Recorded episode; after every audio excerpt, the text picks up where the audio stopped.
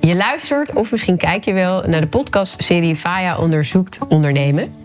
Uh, dit is aflevering 1 en het is een serie van vier afleveringen waarin ik in gesprek ga met ondernemers om te kijken wat nou de link is, uh, wat we allemaal met elkaar gemeen hebben, wat de onderliggende motivatie van succes is en hoe we opstaan na het vallen, want dat hoort er natuurlijk allemaal bij.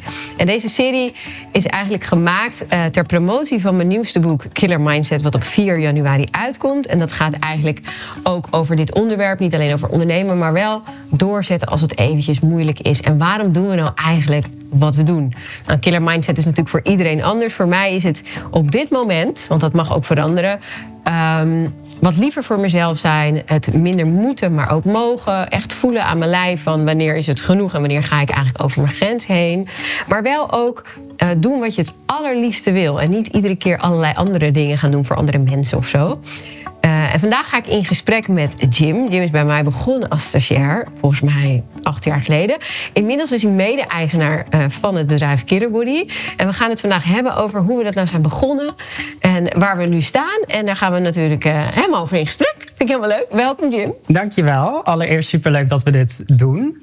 ik zat er ook nog over na te denken, maar uh, dat zei ik al laatst tegen jou. Heel veel mensen hebben het idee dat er een enorm team hier zit. En uh, dat alles, denk ik, van een leien dakje gaat. Omdat natuurlijk heel veel successen zijn.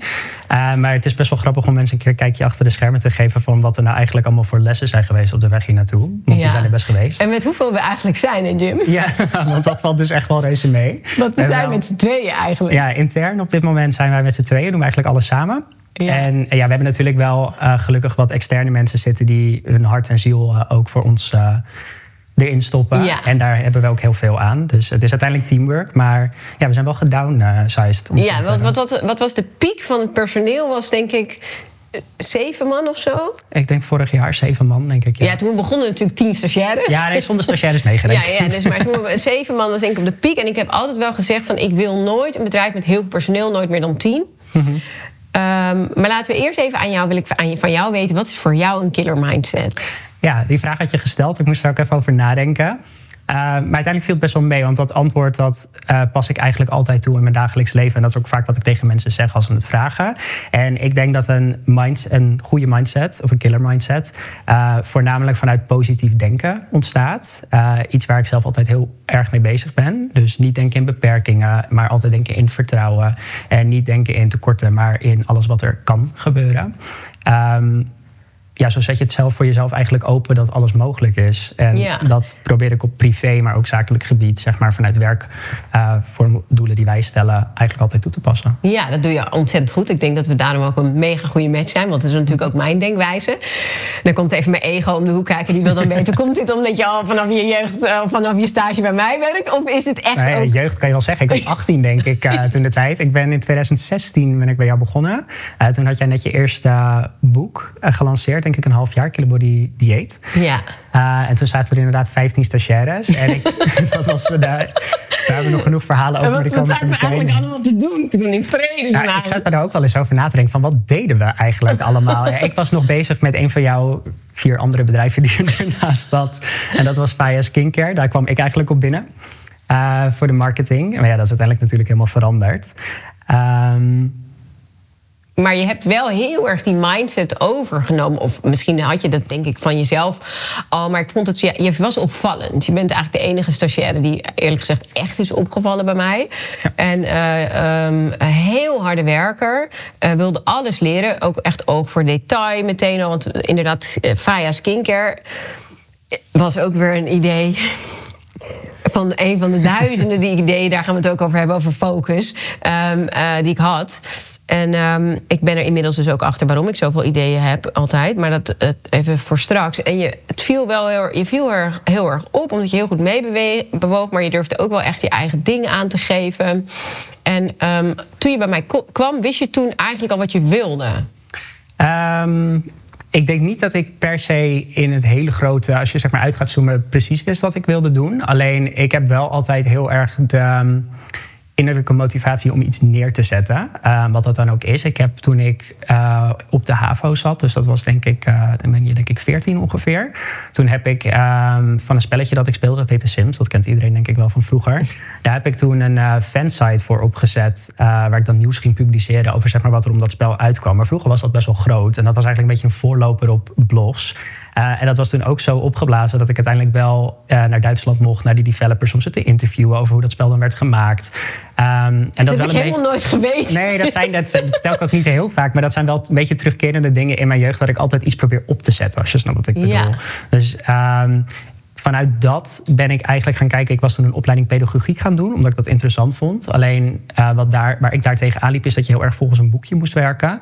Want er waren al de bewezen methodes en daarbuiten mocht je eigenlijk niks doen, want dat was dan jouw eigen visie, maar niet bewezen. En dat beperkte mij heel erg in wat ik wilde doen als een pedagoog. Dus toen ben ik daar ook mee gestopt. En toen dacht ik, oké, het enige wat ik zeker weet is dat ik iets wil neerzetten. Um, en daarom ben ik toen de tijd media, informatie en communicatie gaan studeren. Dat heet nu Creative Business. En dat is eigenlijk een beetje de grondslag van hoe kun je jezelf positioneren in de mediawereld, in welke vorm dat dan ook is. Ja, en dat komt nu natuurlijk heel erg van pas. Ja, uiteindelijk denk ik dat het een hele goede opleiding voor mij is geweest. Uh, ik denk wel dat je er altijd zelf heel veel invloed op hebt van hoe het voor je uitpakt als je een opleiding volgt. Een opleiding is een soort basis, maar niet zeg maar een gouden ticket, om het zo maar te zeggen.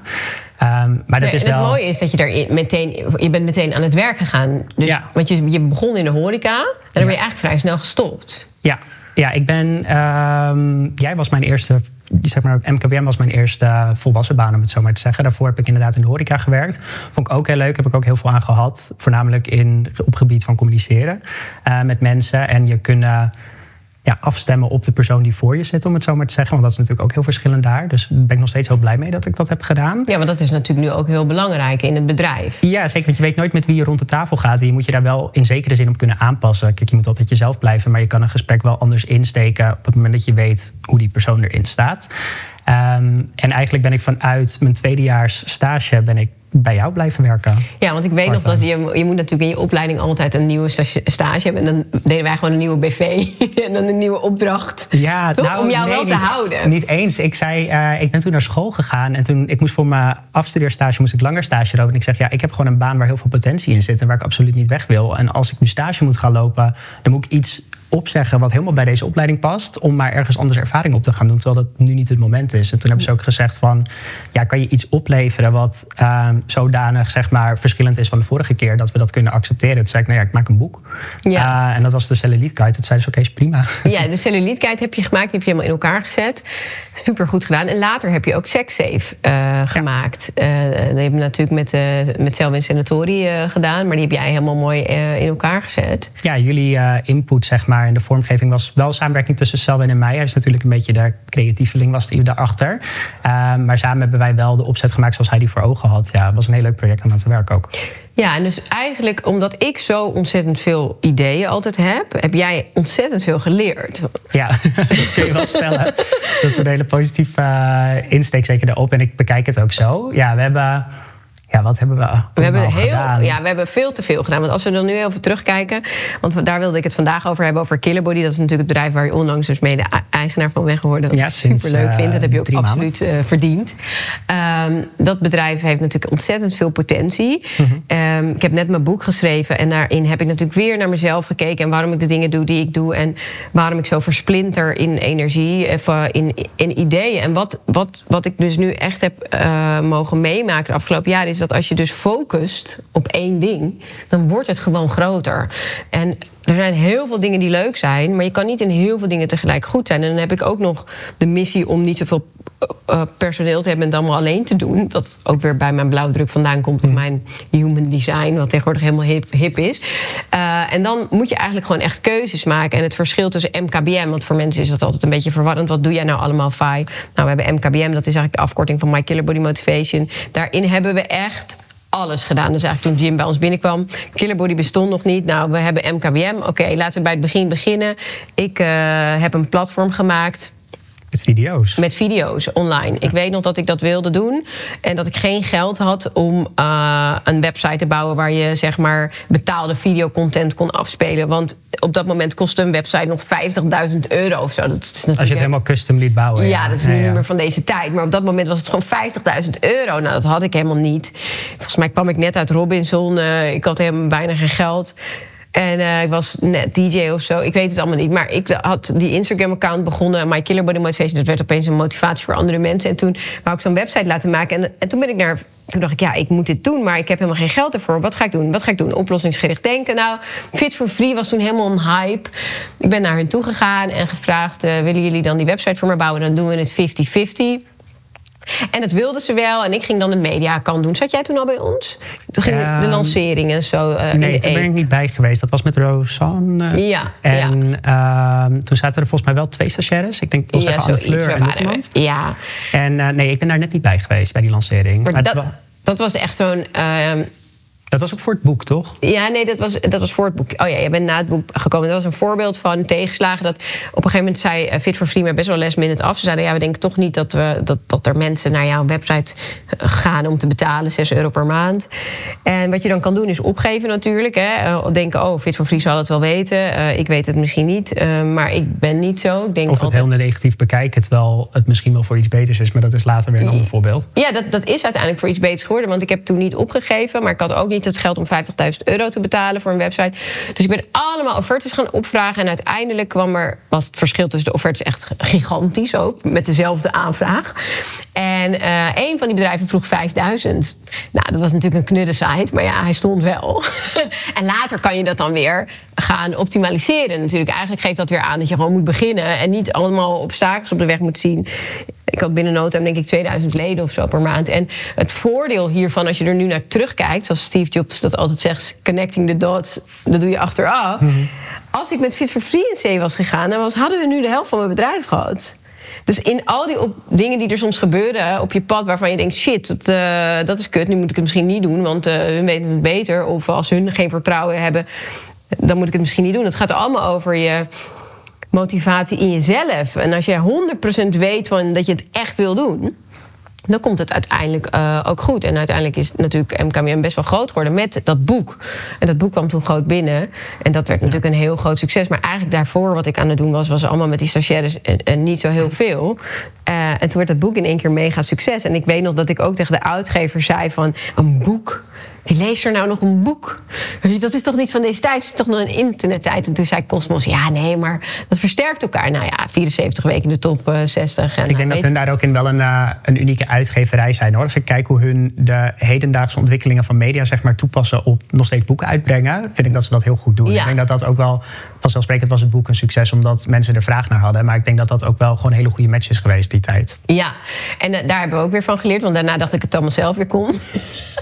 Na drie boeken was dat inderdaad. Toen dacht ik, oh, ik ga een boek van Donnie uitbrengen. Ik denk, ja, die heeft 350.000 volgers. Nou, volgens mij kunnen we ze hier nou waard. ja, allemaal. Ja, dat was inderdaad niet het allerbeste. En toen ging ik van Alex Maas een boek uitbrengen. Want dan gaat het bij mij weer... Dan denk ik weer dat ik het helemaal kan. En dat is echt mijn valkuil. Dus, uh, nou ja, en je denkt dat, je, dat er geld te verdienen valt. Maar het is eigenlijk niet je passie. Je hebt dat wel vaker gezegd. Iets komt beter van de grond op het moment dat het authentiek is. Ja. Dan wanneer je het alleen doet om geld te verdienen. Want je hebt daarvoor ook zonder bank en weet ik het allemaal gehad. Dat heb ik altijd gehoord. En kleding, kinder, kinderkledingwinkel volgens mij. Ja, dus. ja, ja, ik heb echt van alles gedaan. En inderdaad, dus even daarop terug te komen, dat is goed dat je dat zo uh, formuleert. Want wat ik dus heb ontdekt, en daar gaat het boek ook over, is dat als je iets doet vanuit je hartenwens, wordt het altijd een succes. En dan komt er, als, uh, dan komt er vanzelf geld bij. Maar als je iets doet vanuit een tekort, of uh, om ja, überhaupt geld te willen verdienen, maar het is niet je hartenwens, dan ten eerste ben je niet gelukkig mee, want je moet iedere dag naar je werk, terwijl je het eigenlijk helemaal niet leuk vindt.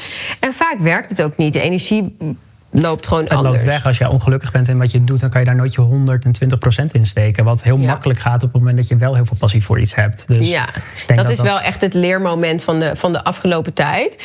En nu heb ik dus mijn Human eh, Design uh, gelezen. En daar kom ik dus achter dat ik dus uh, ideeën uh, ontvang van eigenlijk alles en iedereen om me heen. Dus wat ik denk dat mijn eigen ideeën zijn, zijn niet eens altijd mijn eigen ideeën. En ik dacht dus al die tijd dat ik daar iets mee moest doen. Dus vandaar die skincare lijn en weet ik het wat we allemaal hebben gedaan. In die, in die jaren die er volgden voor Killer Body, dacht ik op een gegeven moment.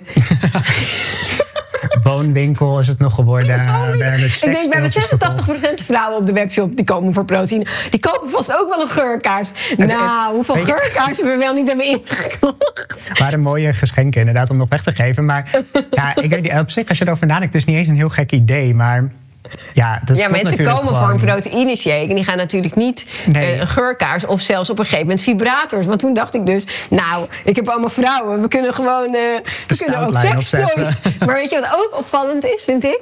Dat alles wat, wat ik niet voel, dat verkoopt niet. Nee. Dus ik ben ook helemaal niet iemand die met vibrator in de weer gaat. En nou helemaal niet dat gaat zitten promoten natuurlijk. Dus dat slaat helemaal nergens op. Maar ook die geurkaas, al die dingen die ik helemaal niet van binnen voel. Terwijl als ik op het moment dat ik celluliet een, echt een mega probleem vind in die, die jaren tussen, tussen mijn dertiger en mijn veertigste jaren, ik dat dan heel erg vond dat ik dat had.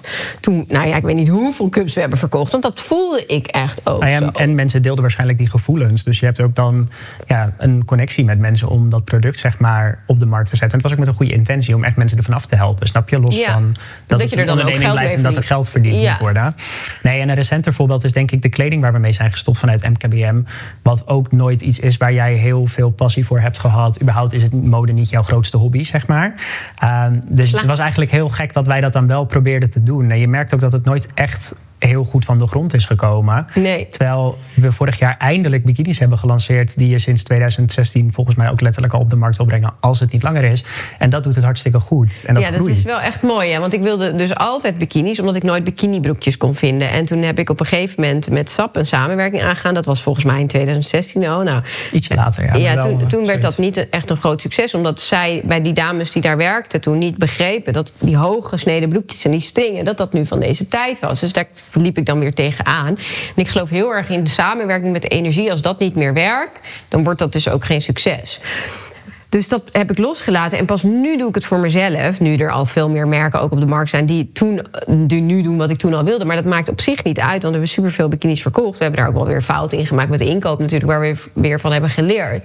Maar dan zie je dus inderdaad als het je passie is. Maar ik vind het wel apart dat ik al zoveel aan zelfreflectie doe en, aan, aan al die dingen probeer te onderzoeken. En dat we dan nu pas eigenlijk begrijpen of inzien dat die kleding helemaal niet een onderdeel was van mijn hartewens en ook niet van jou.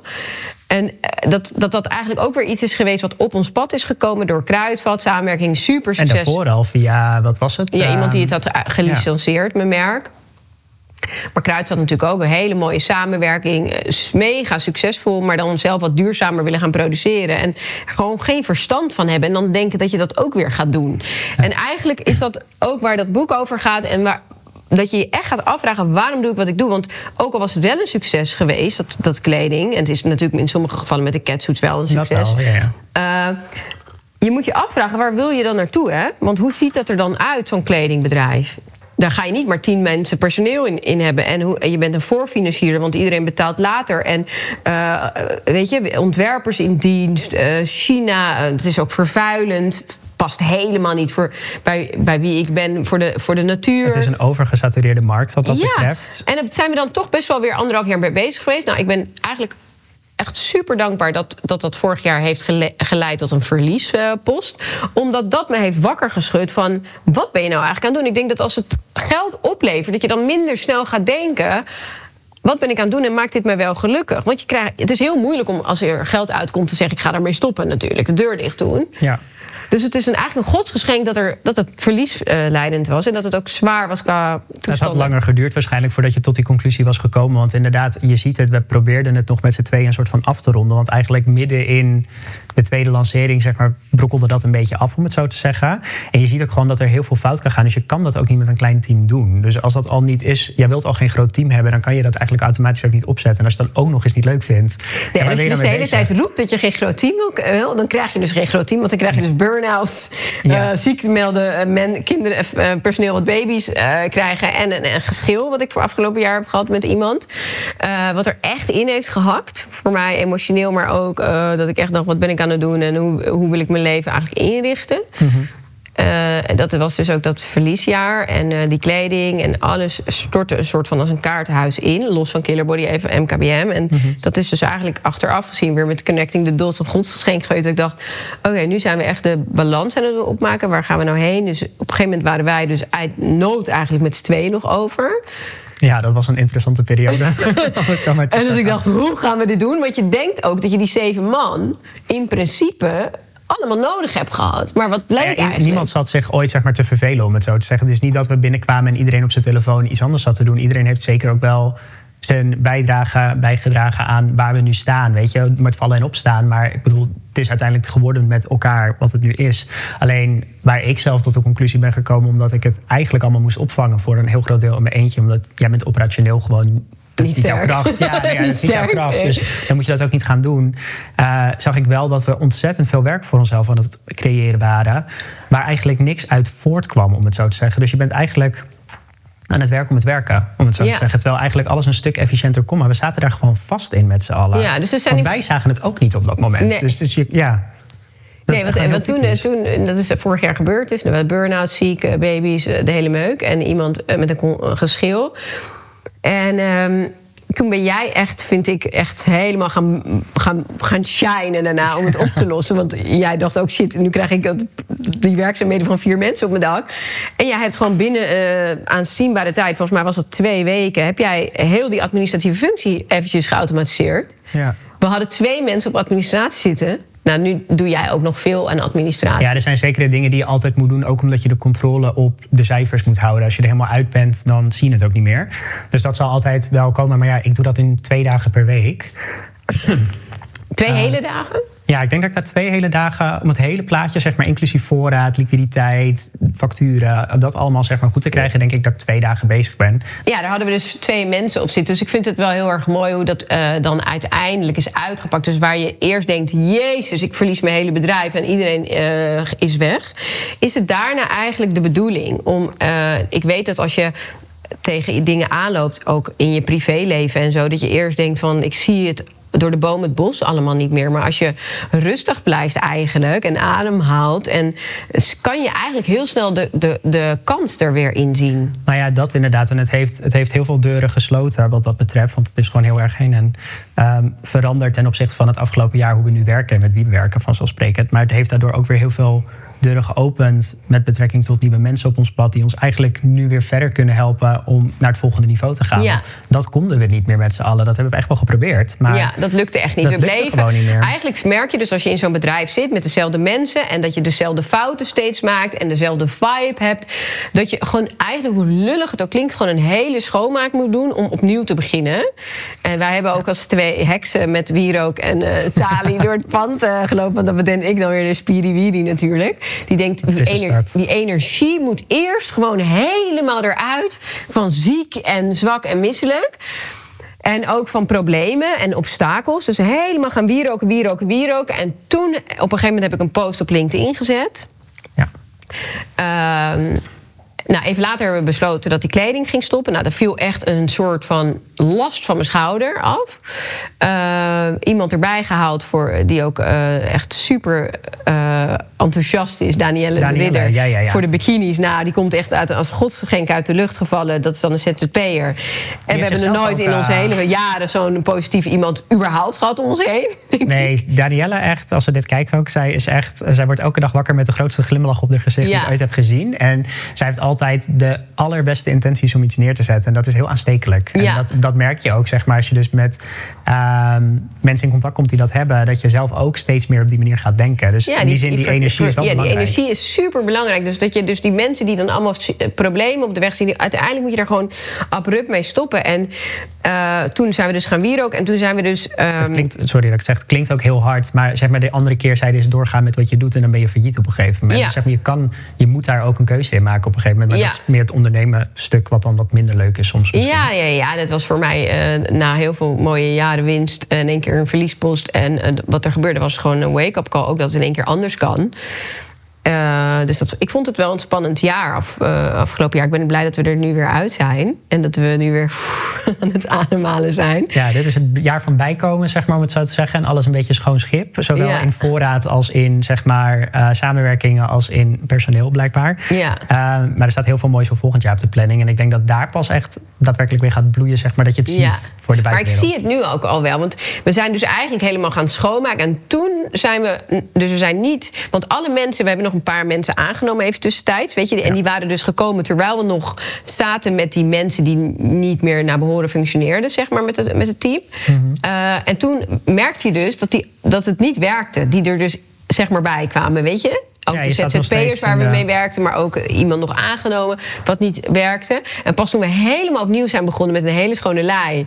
En eh, heb ik op LinkedIn dat bericht gezet. Toen kwamen er dus echt mensen waar we nu na- door naar de next level eh, getild worden. Ja, en die ook zelf op ons, want wij waren altijd personeel aan het zoeken. En echt met man en macht. Nou, ik denk dat veel mensen wel weten hoe moeilijk dat is überhaupt tegenwoordig. Maar vacatures, betaalde vacatures, ehm, hoe noem je mensen die dat? eh recruiters. Ja, recruiters, ja. Alles ingezet om personeel te vinden. En dat lukte gewoon echt niet. En op het moment dat je dat eigenlijk even los moet laten, omdat het allemaal anders liep zoals het liep, kwamen vanzelf de juiste partijen wel op ons pad. Ja, dus dat, is was wel weer super mooi. om mee te maken. En daar zitten we dus nu mee. Dat zijn in principe allemaal ZZP'ers. Dat vind ik super fijn, want dat zijn eigenlijk zelf ook ondernemers. Dus die willen ook gewoon eh, presteren. En dan gelukkig hebben we nu een marketingbureau, dus geen marketingteam meer in huis. Ja. Wat we hoeven aan te sturen. Wat weer heel gespecialiseerd is Ja. per werknemer in de taken die ze oppakken. Dus je ziet nu van hoeveel potentie er nog zat in dingen die wij zelf niet konden doen, Nee, zeg maar, in huis. Ja, dat is ik ben, ja, ik ben echt blij met, met deze transformatie eigenlijk. En eh, ik heb echt geleerd van de afgelopen tijd nog meer als dat ik al wist dat als je dus een obstakel hebt, dat je heel, eigenlijk bijna als er nu een obstakel is, denk ik.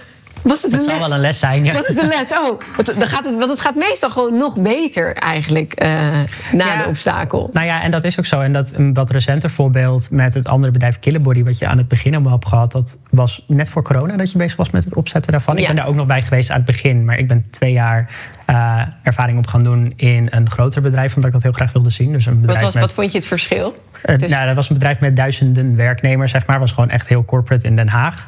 Ehm, ik heb er wel heel veel geleerd. Ehm, mijn grootste valkuil was ehm, toen ik nog bij jou werkte en toen ik eigenlijk nog op school zat met relatief weinig ervaring, is dat ik vaak te snel wilde en mezelf niet controleerde. En daar zat voornamelijk mijn ja, waar ik foutjes maakte, zeg maar. Eh, en wat ik daar heb geleerd, is omdat elk proces 46 keer wordt gecontroleerd, zie je dus opeens wel van, oh, hier moet ik op letten. Oh, of dus een tekst nog een keer nalezen, dat levert dus wel iets positiefs op. Dus je moet ook niet altijd te snel willen gaan. En eigenlijk als je dan terugkijkt naar jouw eh, carrièreloop... kan je wel eigenlijk beamen dat het goed is om meerdere leerbedrijven te hebben. 100% Ik denk ook echt dat als ik de keuze nog een keer zou moeten maken, dat ik het zou doen. Eh, want ik ben daar gewoon veel ervarener uitgekomen. Dus ik ben ook heel dankbaar voor die tijd. Ehm, ja, dat zou ik iedereen aanraden om gewoon in ieder geval bij meerdere bedrijven te kijken wat je leuk vindt. Want ik denk dat een start-up ook niet voor iedereen is weggelegd. Met... Ja, maar je merkt wel nu met TikTok en alles, eh, dat zie ik ook aan mijn eigen zoon. En ik hoop ook dat hij deze podcast wil kijken. Want ik zeg, ik neem jou ook altijd als voorbeeld. Zeg ik, Shai, eh, Jim is bij mij begonnen als stagiair en die is nu mede-eigenaar. Je kan niet meteen verwachten dat je boven aan de ladder begint. Dat je meteen een dik salaris hebt. En dat komt natuurlijk wel door dat social media hebben ze een hele hoge verwachting. En eigenlijk komen ze dan in zo'n bedrijf ze dan drie of vier euro verdienen. En dan hebben ze er al gewoon geen zin meer. En hebben ze zo'n hoofd. Nee, en er wordt ook nog eens heel erg op ingespeeld door eh, mensen op social media. Want iedereen weet dat iedereen die auto's, dat geld, bij wijze van spreken willen hebben. En er zijn mensen die dat Lieve luisteraar, even een klein berichtje van mij tussendoor. Misschien is het je ontgaan of misschien heb je hem al. Ik heb een heel mooi nieuw boek geschreven, het Killer Mindset boek. In 12 stappen de echtste versie van jezelf. Het is een boek waarin bewustwording absoluut centraal staat en ik ben er erg trots op. Maar wat misschien nog wel veel leuker is, is dat ik eind dit jaar in het theater sta met een Killer Mindset Tour. En dit wordt een interactieve tour, eh, talk eigenlijk, waarin jij centraal staat, muziek, dans, ademhalen, noem het maar op. Alles is aanwezig en ik hoop jou daar te zien. Je kunt de ticket links hier onder de podcast vinden. aan je verkopen. Ehm, maar dat is niet, in ieder geval voor mij was dat niet de realiteit. Je moet eh, ergens beginnen. En ik denk ook dat het heel zonde is als je dat niet doet bij een, iemand anders. Want je kan er zoveel van leren. Ehm, In- in- op, voor, op hun kosten, zoals ja, je dat al zei ik net al. Dat is een beetje, ja, dat is, maar dat is het wel. Jij bent de ondernemer in die zin, zeg maar. Zeker toen de tijd. En ik ben de werknemer, zeg maar, toen. Dus het is mijn luxe om op jouw kosten fouten te maken, zeg maar. En dat is, als je in één keer voor jezelf gaat beginnen, dan is de kans denk ik heel groot dat het echt goed fout gaat, omdat je het nooit eerder hebt gedaan. Ja. Dus... En als we dan even terugkijken naar mijn carrière loop, ik heb natuurlijk heel veel dingen gedaan die niet goed zijn gegaan. Want mensen zien alleen de successen, die weten niet de struggles. En daarom maken we ook deze podcast, omdat het niet altijd zo is.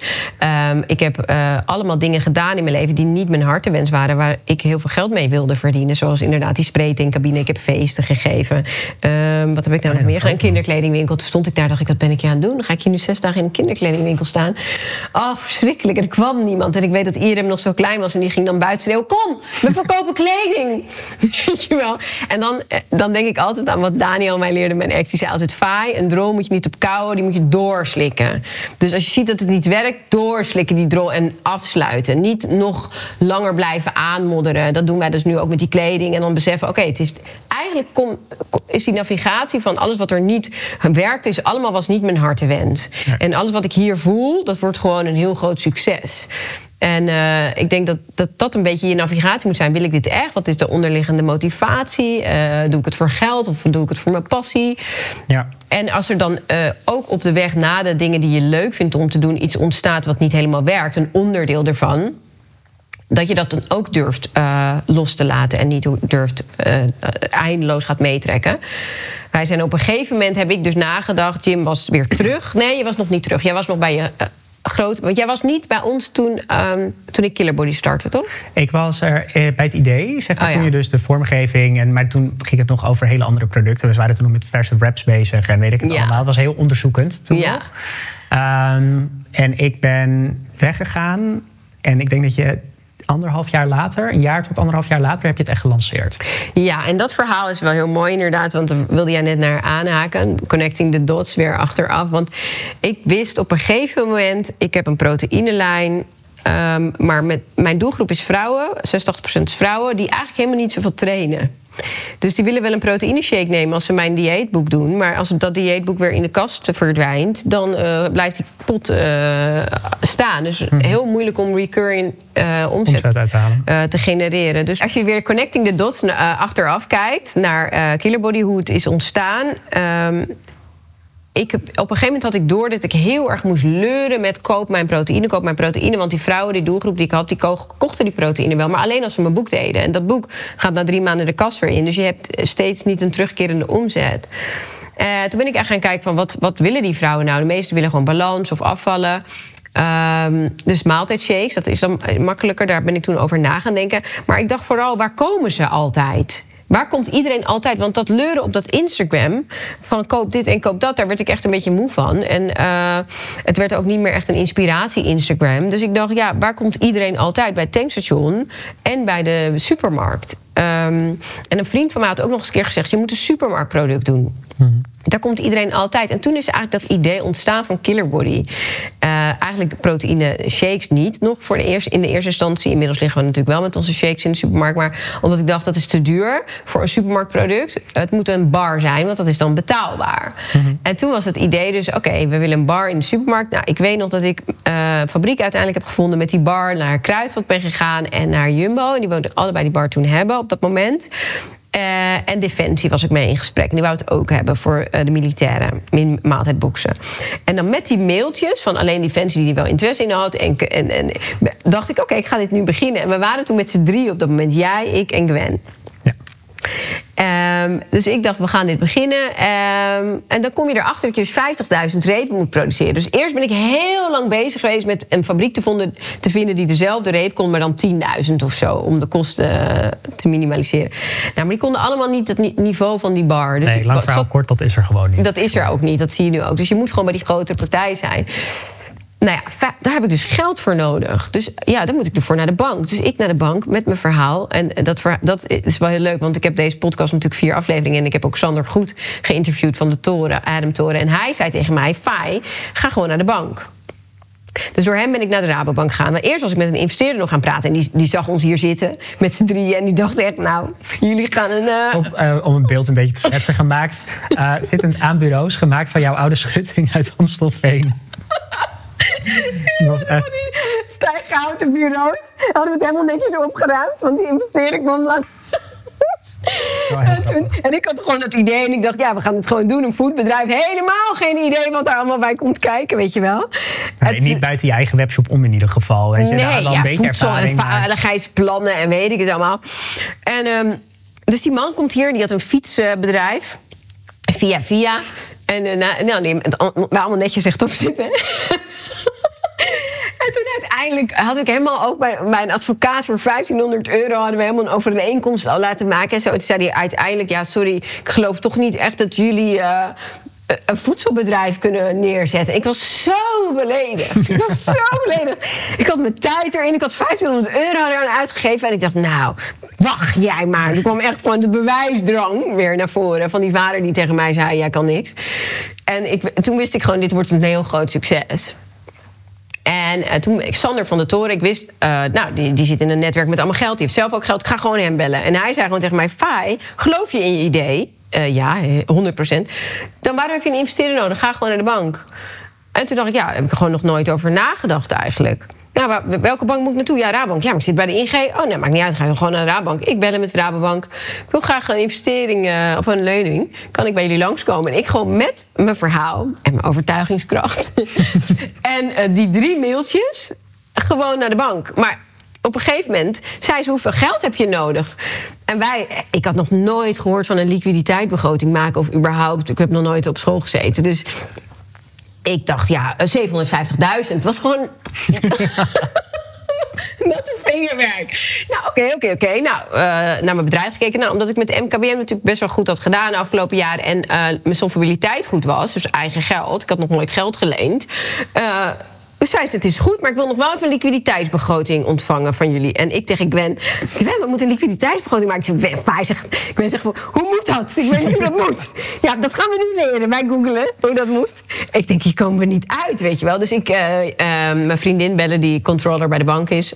Uh, Angela, zij ons uitleggen hoe dat moet. Wij dat maken. Dus wij echt zo. Dat in, bleek dat we helemaal die 750.000 euro helemaal niet nodig hadden. We hadden 450.000 euro nodig. Dus wij uh, we hebben eigenlijk toch niet die 750 nodig. 450, weet je wel.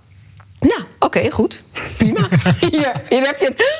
Heb het echt. Maar ik weet nog dat ik ging visualiseren. En dat ik het dan ook in, op briefjes ging zetten. En onder mijn bed. Dat ik dat geld kreeg. En die fabriek. En, en al die dingen. Dus, en dat is dus uiteindelijk gelukt. Ik moest 50.000 euro privé meetekenen. Ik denk, ja, doe ik gewoon. Ik geloof gewoon in, in, in, in mijn huis. Ja, in van mijn huis moest ik meetekenen. Maar ik geloof gewoon in, in dit bedrijf.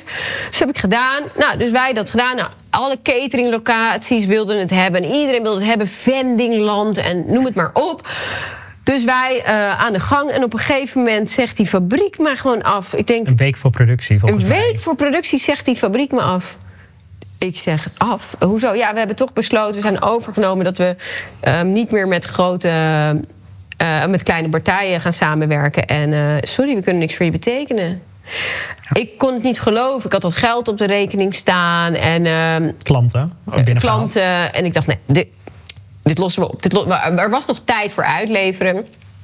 Alle fabrieken in de wereld ongeveer om diezelfde bars. Want die hadden we natuurlijk verkocht, gevraagd. En niks was goed, niks was dezelfde kwaliteit. Nee, want ik weet nog, toen, toen ik er wel was, helemaal aan het begin... we hebben echt honderden van die repen opgevraagd. Echt, ja. Ik heb, weet niet hoeveel keer heb gegeten in die periode. En eigenlijk kwam bijna niks in de buurt van wat toen de tijd de beste bar was. Ja, wat toen de tijd de beste bar was. Je zegt het goed. Dus uiteindelijk moest ik Jumbo gaan afzeggen... Uh, want die had echt al uh, ons opgenomen in een bepaalde week. Ja, in de mutatie. En, de, en die defensie verviel. En, en die hadden uiteindelijk voor 440 gekozen. En dat ging echt over 450.000 repen of zo. Dus ik dacht, oh. maar ja. En toen kwam corona. Ja. En toen realiseerde ik mijn geluk.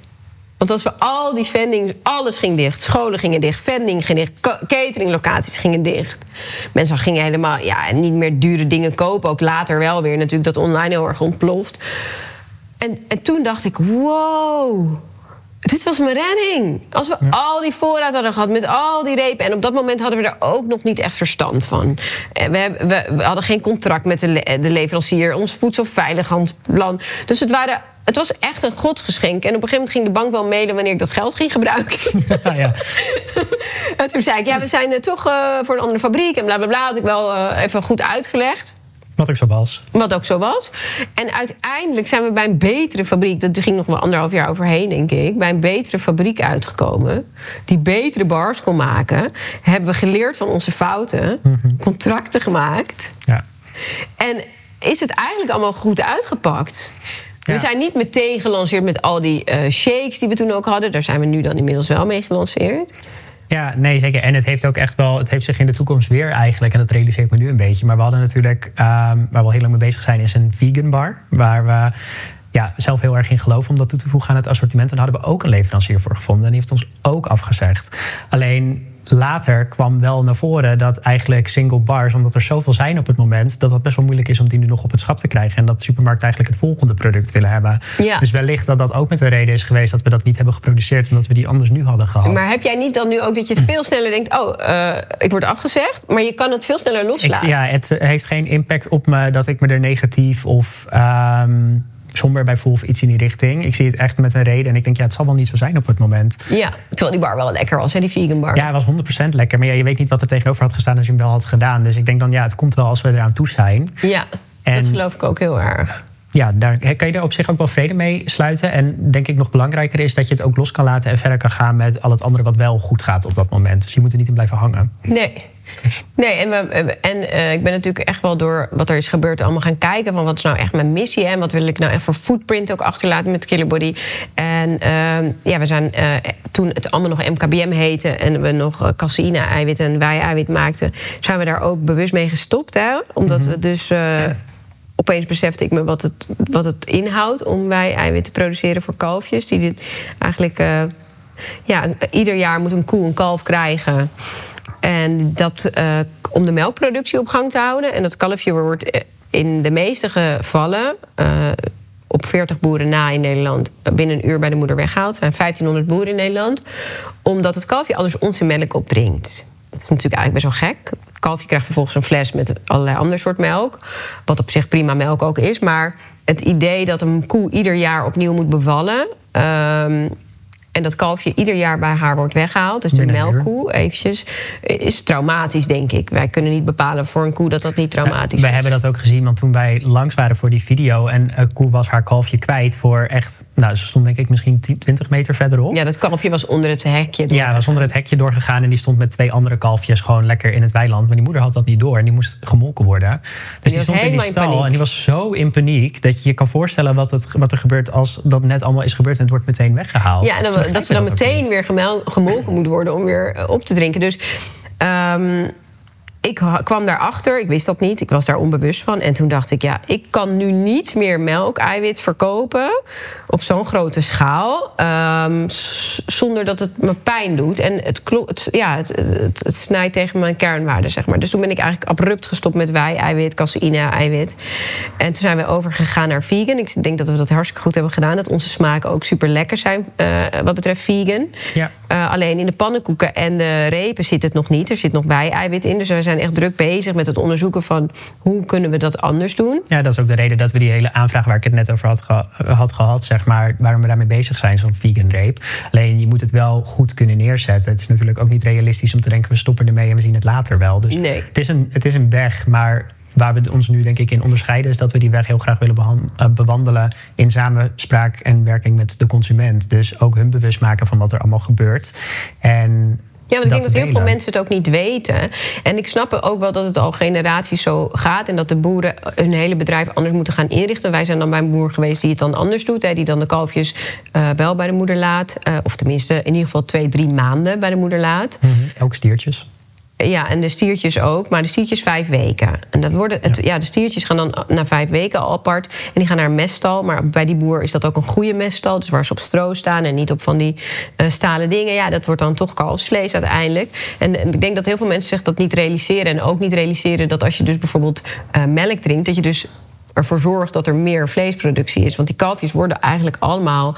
eh, ja, een groot gedeelte wordt kalfsvlees. En de andere worden natuurlijk weer me uh, melkkoeien.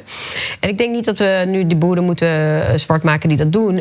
we moeten wel met z'n allen kijken van hoe kunnen we dat anders doen. Hè? Ja, en ik denk dat boeren er ook, en dat heb je ook gemerkt, want er zijn er al veertig die het doen, die staan er heel erg voor open. Als we wat meer betalen. Als we wat meer willen betalen voor. Maar dan komt er wel eerst bewustwording. Ja, en ik denk dat dat heel belangrijk is. Je kan de wereld niet in één dag veranderen, maar elk stapje, ook dit weer, wat die boeren doen, is toch een stap de goede richting op. En ja, zo komt het einddoel steeds dichterbij, denk ik dan. Ja, dus- nou ja, en dan hebben we dan natuurlijk uh, um, kalverliefde melk. En dat is dan melk wat afkomstig is van de koeien van die 40 boeren in Nederland. Uh, die de kalfjes bij de moeder laten. En we zijn eigenlijk nu aan het onderzoeken of we daar dus ook een wei-eiwit van kunnen krijgen. En dat kan dan weer in onze protein pancakes, die we natuurlijk weer bij de Jumbo hebben liggen. Ja, en het uiteindelijke doel is, uh, en dat zie je ook in wat we doen, we zijn met het hele assortiment bezig om het uh, waar mogelijk plantaardig te ontwikkelen. Dat zijn de meeste producten eigenlijk ook al. Dat staat ook op de voorkant. Um, maar uiteindelijk is het natuurlijk voor de producten waar het nog niet mogelijk is, in die tussentijd wel iets te vinden uh, wat dan meer bij onze kernwaarden past. Dus een liefdevolle wij, om het zo maar te zeggen. Ja. Uh, het zou wel heel mooi zijn als we dat als eerste op de markt kunnen brengen. En ik denk dat heel veel consumenten er ook echt wel voor openstaan op het moment dat ze het hele verhaal meekrijgen. Ja. En zo onderscheid je je wel weer als uh, merk op de markt, waar best wel veel concurrentie inmiddels ook weer is. Ja, en ik, ik heb het plezier dus weer teruggevonden. Want vorig jaar was dat klein beetje verdwenen met alles wat er gebeurde. En toen zag ik even door de bomen het bos allemaal niet meer. Uh, maar nu denk ik, oh ja, dit is, dit is waar ik voor sta. En uh, dierenleed kenbaar maken en kijken hoe we het anders kunnen doen. En daar een mooi bedrijf op bouwen. En ik voel nu ook wel echt weer de urge om dit heel groot te maken. Ja, je ziet ook dat, er, dat het groeit. Want eigenlijk, we hebben heel lang ja, stilgestaan met social media, om het zo maar te zeggen, in groei. Omdat we ook zelf niet helemaal meer wisten wat we op dat moment aan het communiceren waren. En nu daar weer een focus op ligt en we bewust bezig zijn met wat willen we daarop plaatsen, zie je ook dat dat gewoon in één keer weer omhoog schiet. En dat mensen daar dus ook interesse in hebben. Dus het is ook heel mooi dat als je weer dicht bij jezelf komt te staan, dat dat uh, voor anderen ook weer. Ja, dat, dat het echt authentiek is. Ik ja. denk dat dat het belangrijkste stukje is van succes eigenlijk. Uh, tenminste, als ik naar mezelf kijk, zie ik dat de dingen die succesvol worden. Dus de boeken bijvoorbeeld, wat mijn verhaal is in zo'n boek. En nu dan heb ik dan Killer Mindset, is weer mijn verhaal. En de podcast heeft het natuurlijk hartstikke goed gedaan. De afgelopen mm-hmm. weken uh, 600.000 luisteraars. Dus super mooi. Mm-hmm. Uh, dat is echt authentiek en uh, een eigen verhaal. En ik denk dat dat, ik denk dat dat belangrijk is. Dat je inderdaad dicht bij jezelf blijft. Ja, en eigenlijk wat ik aan het begin dus ook zei... dat cirkelt het weer helemaal een beetje terug. Uh, ik denk dat dan ook pas iets succesvol kan worden als je dat doet omdat jij daar heel erg in gelooft. Ja, en omdat je, want soms kan je natuurlijk wel succesvol zijn in de zin van op papier, dus dat je er geld mee verdient. Maar als je, het is best wel armoedig als je iets doet wat je niet leuk vindt. Ja, maar succes en uh, zowel in geld staat voor mij wel hand in hand met geluk hoor. Want je hebt niks aan geld als je de hele dag ellendig voelt, omdat je naar je werk moet, bij wijze van spreken. Dus. Als je nu terugkijkt um, naar alles, um, wat heb je dan het meeste geleerd in de periode hier in dit bedrijf? Uh, goeie vraag. Ik, ja, eigenlijk wat we net hebben besproken is denk ik wel de grootste les daarin. En die probeer ik mensen ook altijd um, mee te geven. Als mensen naar me toe komen gewoon voor persoonlijk advies, zeg maar, zoals ze er ergens mee zitten, is dat op het moment dat je gewoon positief blijft denken en het ook kan voorstellen, uh, dat je daar veel meer aan hebt in je dagelijks leven dan wanneer je in dat negatieve blijft hangen. Ik vind negativiteit iets wat heel uh, veel impact kan maken op je leven, zeg maar. En dat je dat ook gaat aantrekken. Dus dat is denk ik voor mij, zowel privé als zakelijk, denk ik de grootste les daaruit geweest. Uh, en ik denk ook een stukje bluff. gewoon. Soms maar gewoon zeggen dat het al is gebeurd, omdat dan het ook makkelijker gebeurt. Ja, uh, als jij het dus uit de kracht van visualisatie. Ja, eigenlijk wel. En dat komt soms met een beetje bluffen. Dus naar de winkel gaan van ja hoor, dit hebben we. Ja, dit hadden we. Dat, hij refereert nu eventjes naar een gesprek natuurlijk met Albert Heijn, waar we binnenkort een nieuw product lanceren, ja. Energy. En dat wist ik wel. Ik wist ook wel dat we, we hebben een hele fijne leverancier en we kunnen gewoon heel snel schakelen. We hebben maar twee schakels. Maar uh, toen dat ze zei, kunnen jullie echt in de volgende schapwissel al dat product hebben? Ja hoor! Ja, die schapwissel was twaalf weken voor, zeg maar, daarvoor was dat gesprek. Dus. Ja, en dat product was er nog niet eens. Maar het is ons wel gelukt. Ja, ja zeker. En eigenlijk zegt dat gewoon... Als je gewoon er echt voor gaat, het gelooft... Uh, en er, ja, je moet natuurlijk wel stappen zetten... niet alleen maar visualiserend op de bank liggen... Nee, dan lukt het wel.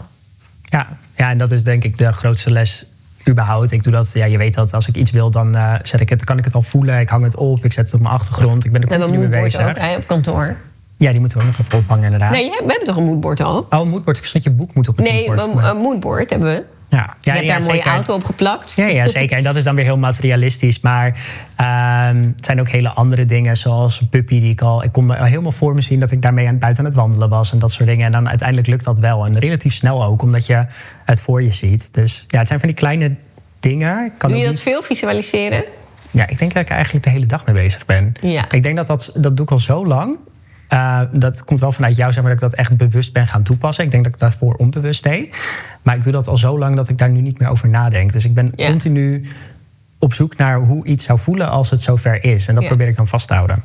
Ja, want het gaat uiteindelijk over het gevoel wat je erbij krijgt. Niet alleen het, zien, maar het voelen. Ik denk als je het gevoel ook niet hebt, dat het ook niet de juiste keuze is. En dan, daarom lukt het ook waarschijnlijk niet. Nee, dat is, eh, is een goede wat je zegt. Ja.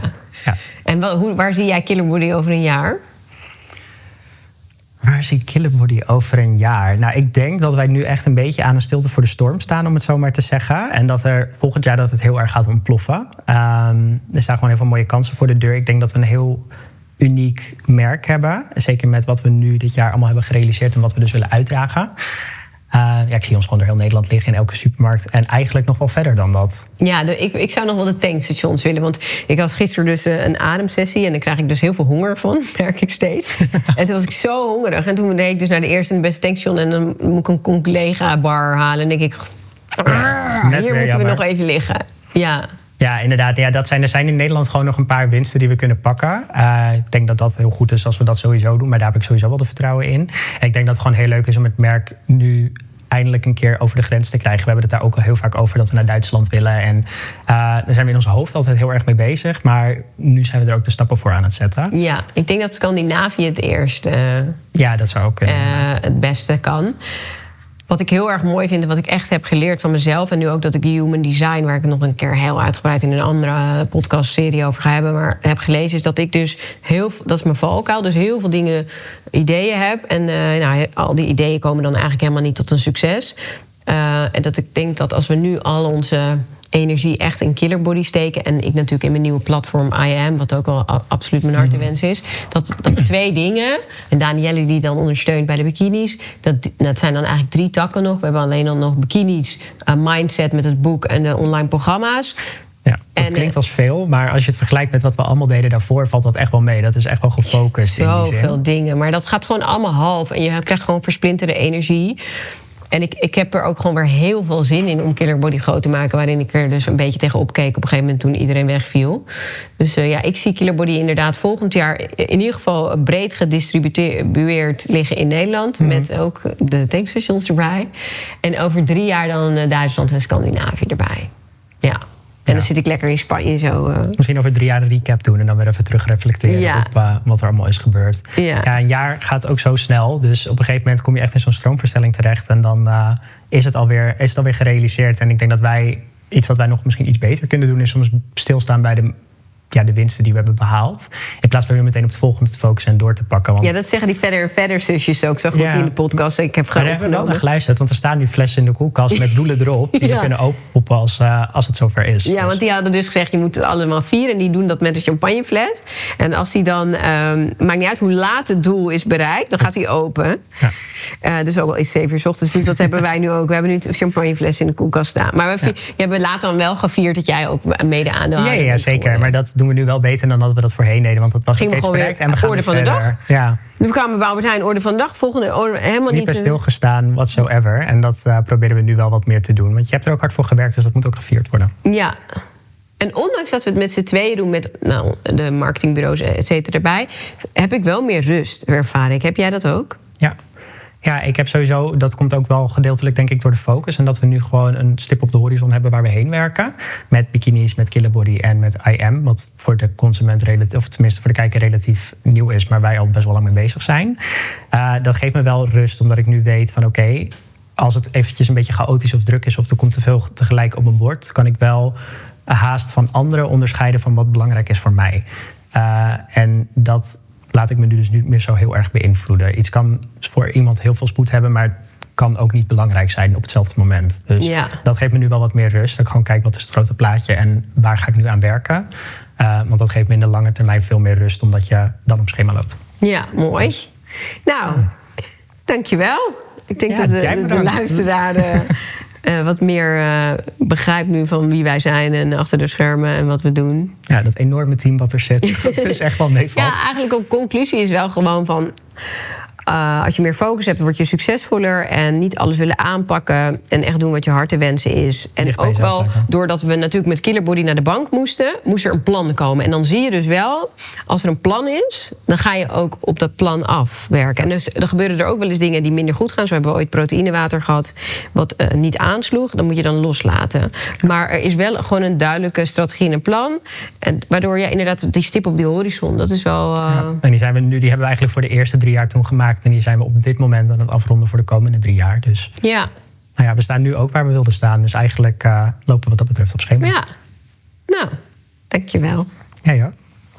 De conclusie, ja, ik heb natuurlijk al heel veel gezegd in de podcast. Als ik terugkijk naar alles, heb ik ondernemen geleerd in de praktijk. Daardoor duurde het wat langer en daardoor heb ik ook veel fouten gemaakt, die ook heel veel geld hebben gekost. Maar daardoor heb ik mezelf wel veel beter leren kennen. En daar ben ik wel heel dankbaar voor.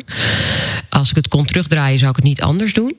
Uh, ik zou wel iedereen het nu anders adviseren. Dus probeer echt met mensen om je heen te verzamelen die meer weten dan jij. Durf hulp te vragen. En maak toch wel een, een strak online plan. Een soort een driejarenplan. Maar beweeg wel mee met de golven en de obstakels. Dus als er een obstakel op je pad komt, denk dan niet, oh, uh, doorzetten, want plan A is plan A. Nee, wat wil deze obstakel mij vertellen? En misschien kijk ik de verkeerde kant op. Ik wil nog eventjes mijn dank uitbrengen aan Gwendolyn Stewart en Jim. Die Jim is nog steeds bij ons en Gwen werkt inmiddels niet meer bij ons. Maar met z'n drieën hebben we wel deze twee bedrijven gemaakt en opgezet. En ik ben super dankbaar voor wat we hebben neergezet. En we gaan nog hele mooie dingen doen.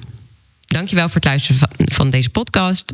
Deze podcast is een uh, promotie eigenlijk voor het boek Killer Mindset. Wat ook gaat over vallen en opstaan. Doen wat je het allerleukste vindt. Ontdekken wie je in de essentie bent.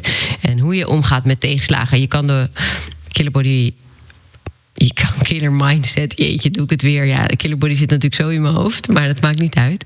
Het is allemaal echt. Killer mindset pre-ordenen. En als je dat doet, dan krijg je uh, mijn online programma, Killer Mindset. Een programma ter waarde van 200 euro er gratis bij. En dat programma is nog eens een keer de diepte ingaan, 12 maanden lang aan jezelf werken. Uh, om je, ja, je blinde vlekken te leren kennen. Ik ben ontzettend trots op het programma. Ik ben trots op het boek. Het is echt uh, een boek met mijn ervaringen erin, mijn levenslessen. En ook wel de wetenschap en wat die bijvoorbeeld zegt over de kracht van visualisatie. Maar voornamelijk is het wel een, uh, ja, een boek met mijn ervaringen over vallen en opstaan. Dankjewel voor het luisteren naar deze podcast. En nou, tot de volgende keer. Lieve luisteraar, even een klein berichtje van mij tussendoor. Misschien is het je ontgaan of misschien heb je hem al. Ik heb een heel mooi nieuw boek geschreven, het Killer Mindset boek. In twaalf stappen de echtste versie van jezelf. Het is een boek waarin bewustwording absoluut centraal staat en ik ben er erg trots op. Maar wat misschien nog wel veel leuker is, is dat ik eind jaar in het theater sta met een Killer Mindset Tour. En dit wordt een interactieve tour, uh, talk eigenlijk, waarin jij centraal staat, muziek, dans, ademhalen, noem het maar op. Alles is aanwezig en ik hoop jou daar te zien. Je kunt de ticketlinks hier onder de podcast vinden.